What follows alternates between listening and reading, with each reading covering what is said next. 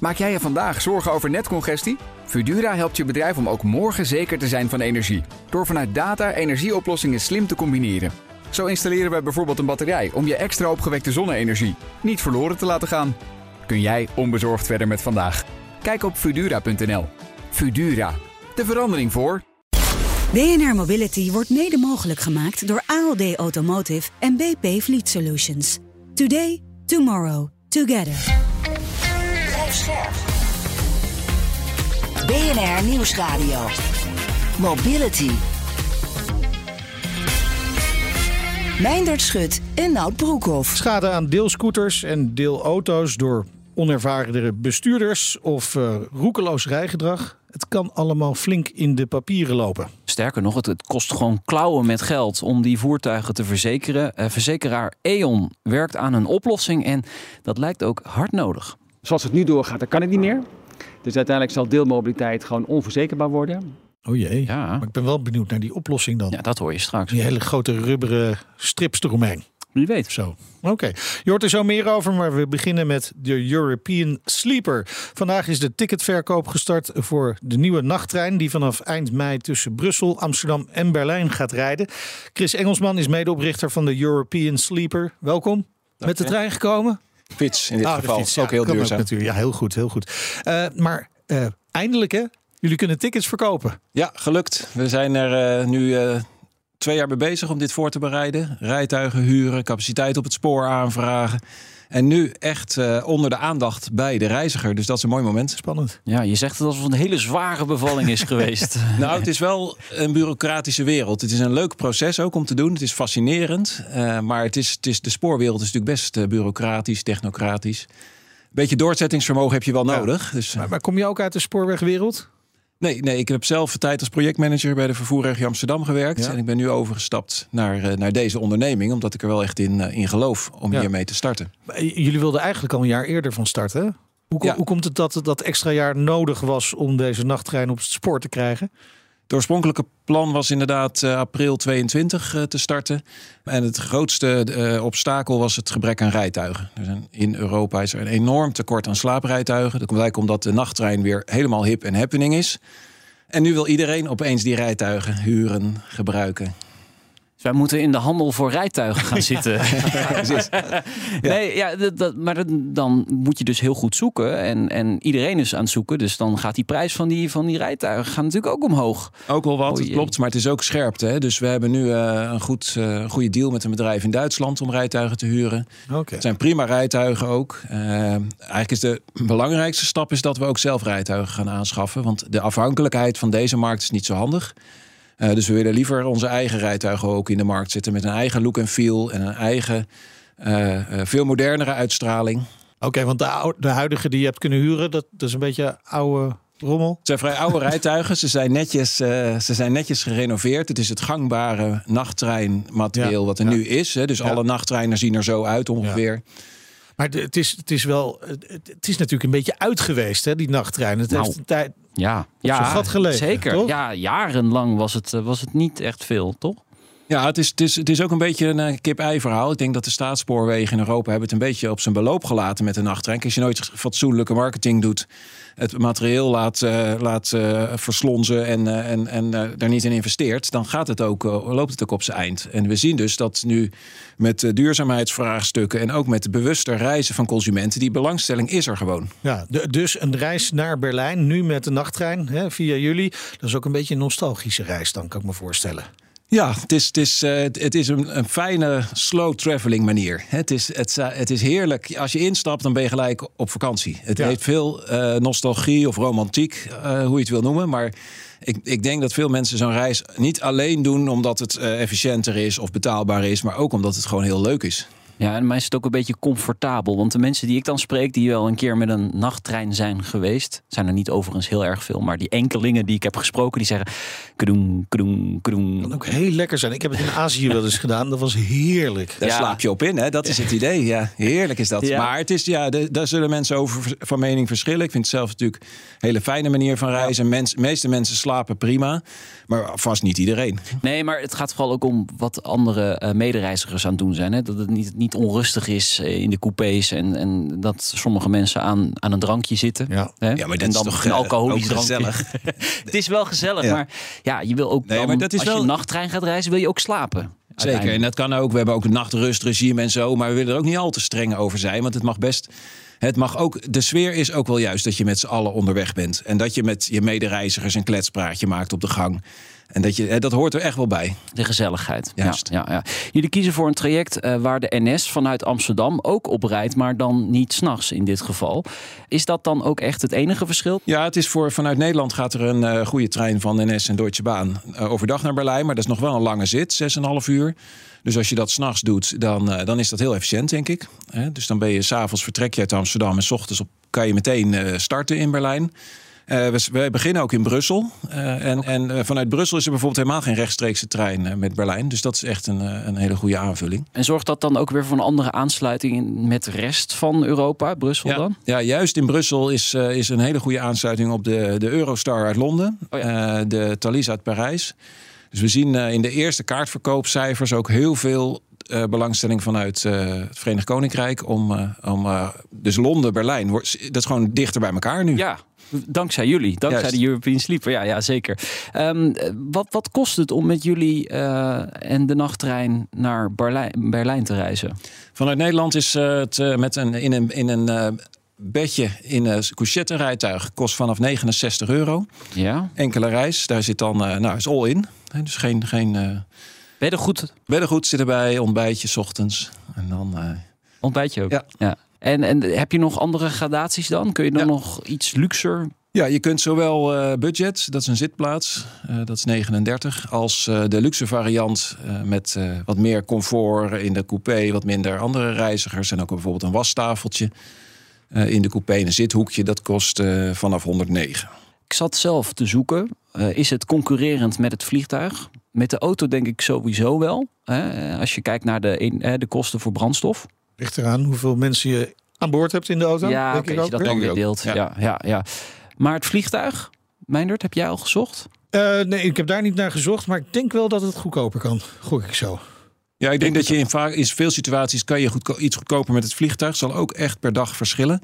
En bij vliegen zijn er veel verborgen kosten. Dat is waar. Ja. Um, dus het, het, zal, het zal een beetje verschillen. Wij denken wel dat we redelijk concurrerend zo kunnen zijn. Ja, maar dat is in prijs, hè? want dan kom je ongeveer op dezelfde prijs. Want volgens mij uh, Amsterdam-Berlijn kun je een retourtje 130 euro uh, uh, vanaf Schiphol doen wel. Ja. Moet lukken. en dan heb je nog wat extra kosten, maar je bent ook maar anderhalf uur onderweg. Ja, maar het zijn niet echt, echt efficiënte uren. Nee. Dus, dus je moet vaak uh, twee, drie uur van tevoren op Schiphol zijn. Je hebt een boel gereisd nog er naartoe. Ja. Uh, dus als je, uh, als je in, bij ons in de trein staat, ben je de volgende ochtend ook meteen ter plaatse. Ja, naar die trein moet je ook toe, hè? Ja. ja. Dat is, ja. Die stopt niet voor de deur. Nee, maar wel hartje centrum. Hè. We stoppen op een heel aantal plekken in Nederland. Uh, dus ik denk dat we daar ook, ook qua reistijd gek genoeg. Hè, dat klinkt een beetje gek, want we doen er acht uur over vanuit Amsterdam. Ja. Maar dat omdat je dus de tijd slapend benut, dat je, dat je eigenlijk uh, ook goed concurreert. Ja, en verwacht je dan ook eh, interesse van, uh, van zakelijke reizigers? Ja, zeker. Ja. Het, is, het is ook omdat we een aantal administratieve centra natuurlijk. Berlijn is natuurlijk nou ja, ja. nogal een belangrijke hoofdstad in Europa. En hetzelfde geldt voor Brussel. Dus om die, om die steden met elkaar te verbinden is wel heel cruciaal. En er zijn ook veel steden met, uh, met beurzen, uh, congressen, conferenties.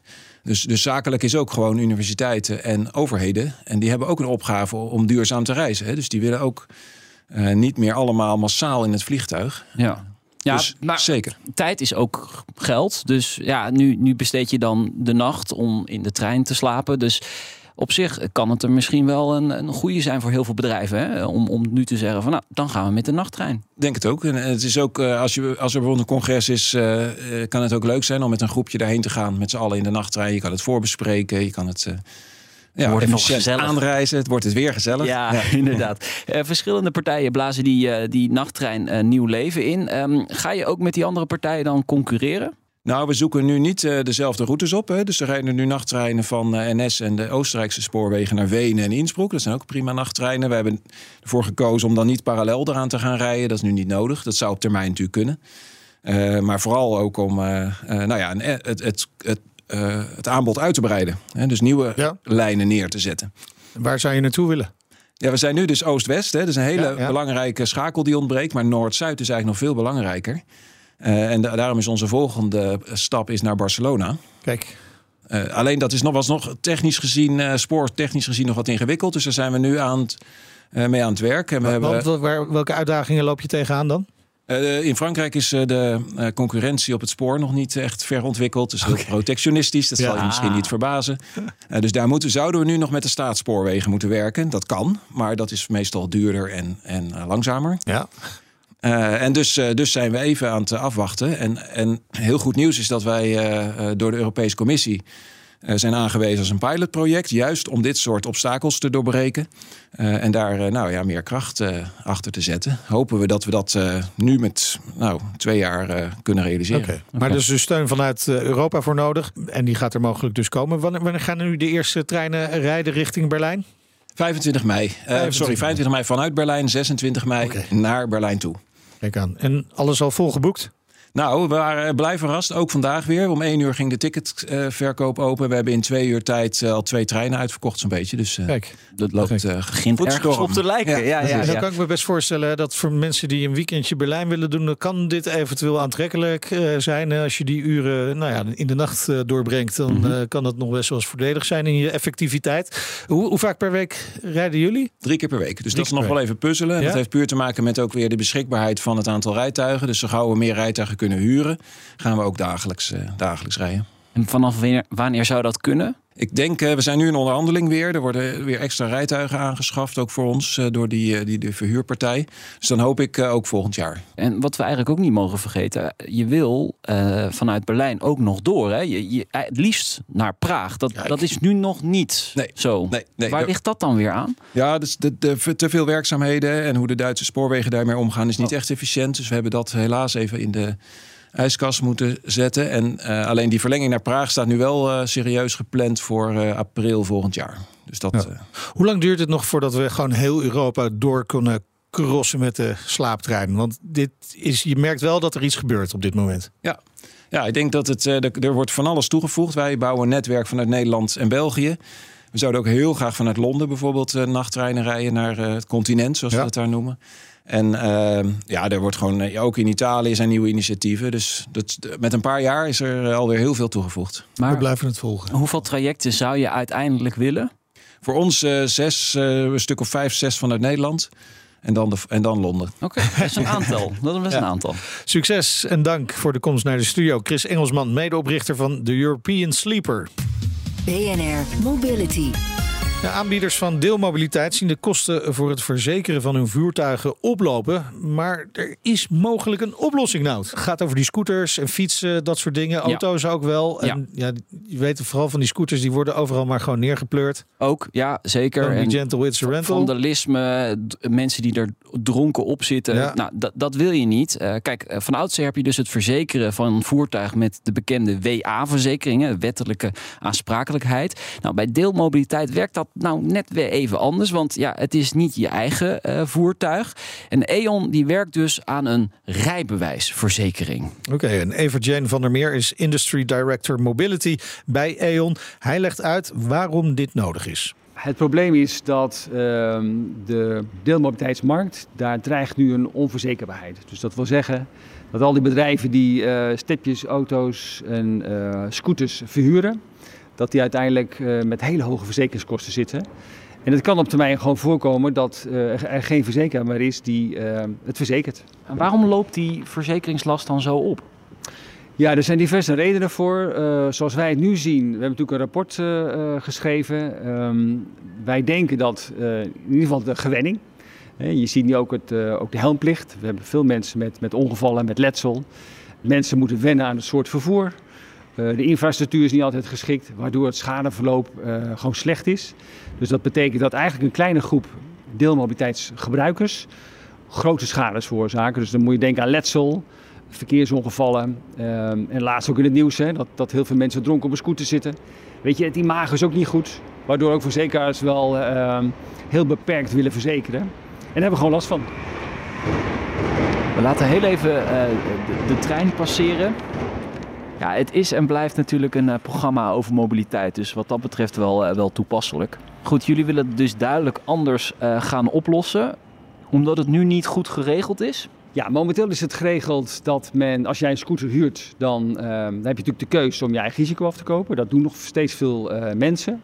Alhoewel dat wel steeds lastiger wordt, want ook verzekeraars zeggen je dat mag niet meer. Dus het eigen risico op het moment dat je op een scooter uh, stapt en de schade die je veroorzaakt, dan stap je al in bij 500 euro eigen risico. En dan is de scooter verzekerd via het deelplatform. Nou, wat wij dus willen is dat wij zeggen, joh, ehm, de gebruiker die in principe schade kan veroorzaken, dat is het zogenaamde verkeersrisico, die willen we dan uh, verzekeren. Dus de gebruiker neemt zelf een verzekering uit, is zelf verantwoordelijk voor zijn rijgedrag. En uiteindelijk ook de pay-how-you-drive constructie, hè, wat je bijvoorbeeld ook ziet bij Tesla, die gebruikt data om te kijken van wat, wat je rijgedrag is per maand. Ja, dat willen we eigenlijk ook invoeren in Nederland. Welke voordelen biedt dat dan? Ja, de voordelen die we nu zien is dat uh, de transactieprijs bij een deelplatform gaat dan al laag. Uiteindelijk worden ook de verzekeringskosten bij zo'n uh, assethouder, hè, dus degene die de eigenaar is van de scooter, die gaat omlaag. Waardoor wel uiteindelijk de gebruiker ook een premie gaat betalen. Maar die kan hij weer beïnvloeden door veilig te gaan rijden en, en goed te parkeren. Allemaal dat soort zaken die meespelen. Oké, dus het moet echt uh, het rijgedrag van mensen gaan aanpassen. Mensen gaan hierdoor waarschijnlijk veiliger rijden? Ja, dat zeg je goed. Waarschijnlijk veiliger rijden. Wij, het is nog een aanname. Maar wij denken wel dat we... We gaan het testen natuurlijk in een, in een, in een proeftuin met 700 deelnemers. Wij denken dat wanneer je zelf een verzekering hebt, dat die awareness bij de gebruiker, dat die, um, ja, die wordt anders. Men gaat anders uh, in het verkeer om, omdat je weet van joh, als ik mijn verzekering niet meer heb, dan, ja, dan heb ik geen mobiliteit. En dan, dan moet ik misschien weer met openbaar vervoer, maar dan kun je geen gebruik maken van uh, deelmobiliteit. Ik weet dat jij hier al heel erg lang, ja, je begint te lachen, heel erg lang mee bezig bent. Waar, waarom heeft dit zo lang geduurd? Hoe kan dat? Ja, ja dan kan ik je, als we nog, uh, nog een dag hebben, ga ik het helemaal vertellen. Nee, even, even heel kort. Um, het heeft te maken dat we zitten in een hele traditionele uh, verzekeringslandschap. waar altijd de verzekering gekoppeld is aan een voertuig. En een gekentekend voertuig. Staat ook in de wet, hè? dat is allemaal heel helder. Dan heb je nog te maken met uh, de autoriteiten die al alles registreren, in RDW in dit geval. Dan heb je nog de wet en regelgeving, die is natuurlijk ook heel beperkt. Is ook helemaal niet ingericht op deeleconomie. En daar heb ik enorm voor moeten lobbyen. Ik ben inderdaad al dik twee jaar bezig. Uh, maar ook met steun van uh, INW en inderdaad ook met de mensen met RDW zijn we gewoon heel ver gekomen. En het staat nu, het werkt. Ik heb een verzekeraar gevonden. En um, als we dit nu goed afronden, ja, dan, dan, en ook in het kader van verkeersveiligheid, denk ik dat we het eindelijk voor elkaar krijgen. Ja, maar uiteindelijk moeten ook de platformen het willen. Zijn er deelscooterbedrijven of andere deelmobiliteit aanbieders die hier instappen straks? Ja, dat is een goeie, uh, want je moet uiteindelijk de, de consument, de gebruiker. Kijk, we hebben met iedereen gesproken, met, met alle platforms, met alle deelmobiliteitsbedrijven, auto's, scooters, whatever. Iedereen snapt het. Iedereen ziet ook wel die, dat die verzekeringskosten gewoon omhoog gaan. En heeft ook effect op, op hun winstcijfers. Dus die verzekering moet naar beneden, dat is helder. Maar precies wat je zegt, uh, hoe lang gaat het duren? Wij denken zelf een transitieperiode van twee jaar. En dan uiteindelijk moeten mensen eraan gaan wennen. Dan moet het uh, bekend worden. En mensen moeten ook gaan zien van joh, ik parkeer veilig, ik rij veilig hey, dan is mijn verzekeringspremie misschien een paar, paar euro per maand. Ja, spreken we echt over een paar euro? Ja, zoals we nu aanvliegen, uh, moet, dat, moet dat natuurlijk uh, kunnen concurreren met, met wat er nu is. En het slaagt alleen maar als we echt heel veel gebruikers kunnen uh, oppakken die er gebruik van gaan maken. Allemaal leuk en aardig en waarschijnlijk ook nodig, maar mensen gaan misschien ook denken, nog een verzekering. Ja, dat is een goede. Die krijgen we natuurlijk ook. Uh, maar weet wel dat uh, zoals het nu doorgaat, dan kan het niet meer. Dus uiteindelijk zal deelmobiliteit gewoon onverzekerbaar worden. En ja, dat moeten we voor, voorkomen, zeker in zo'n land als Nederland. Elektrische is een mooi voorbeeld. Hè?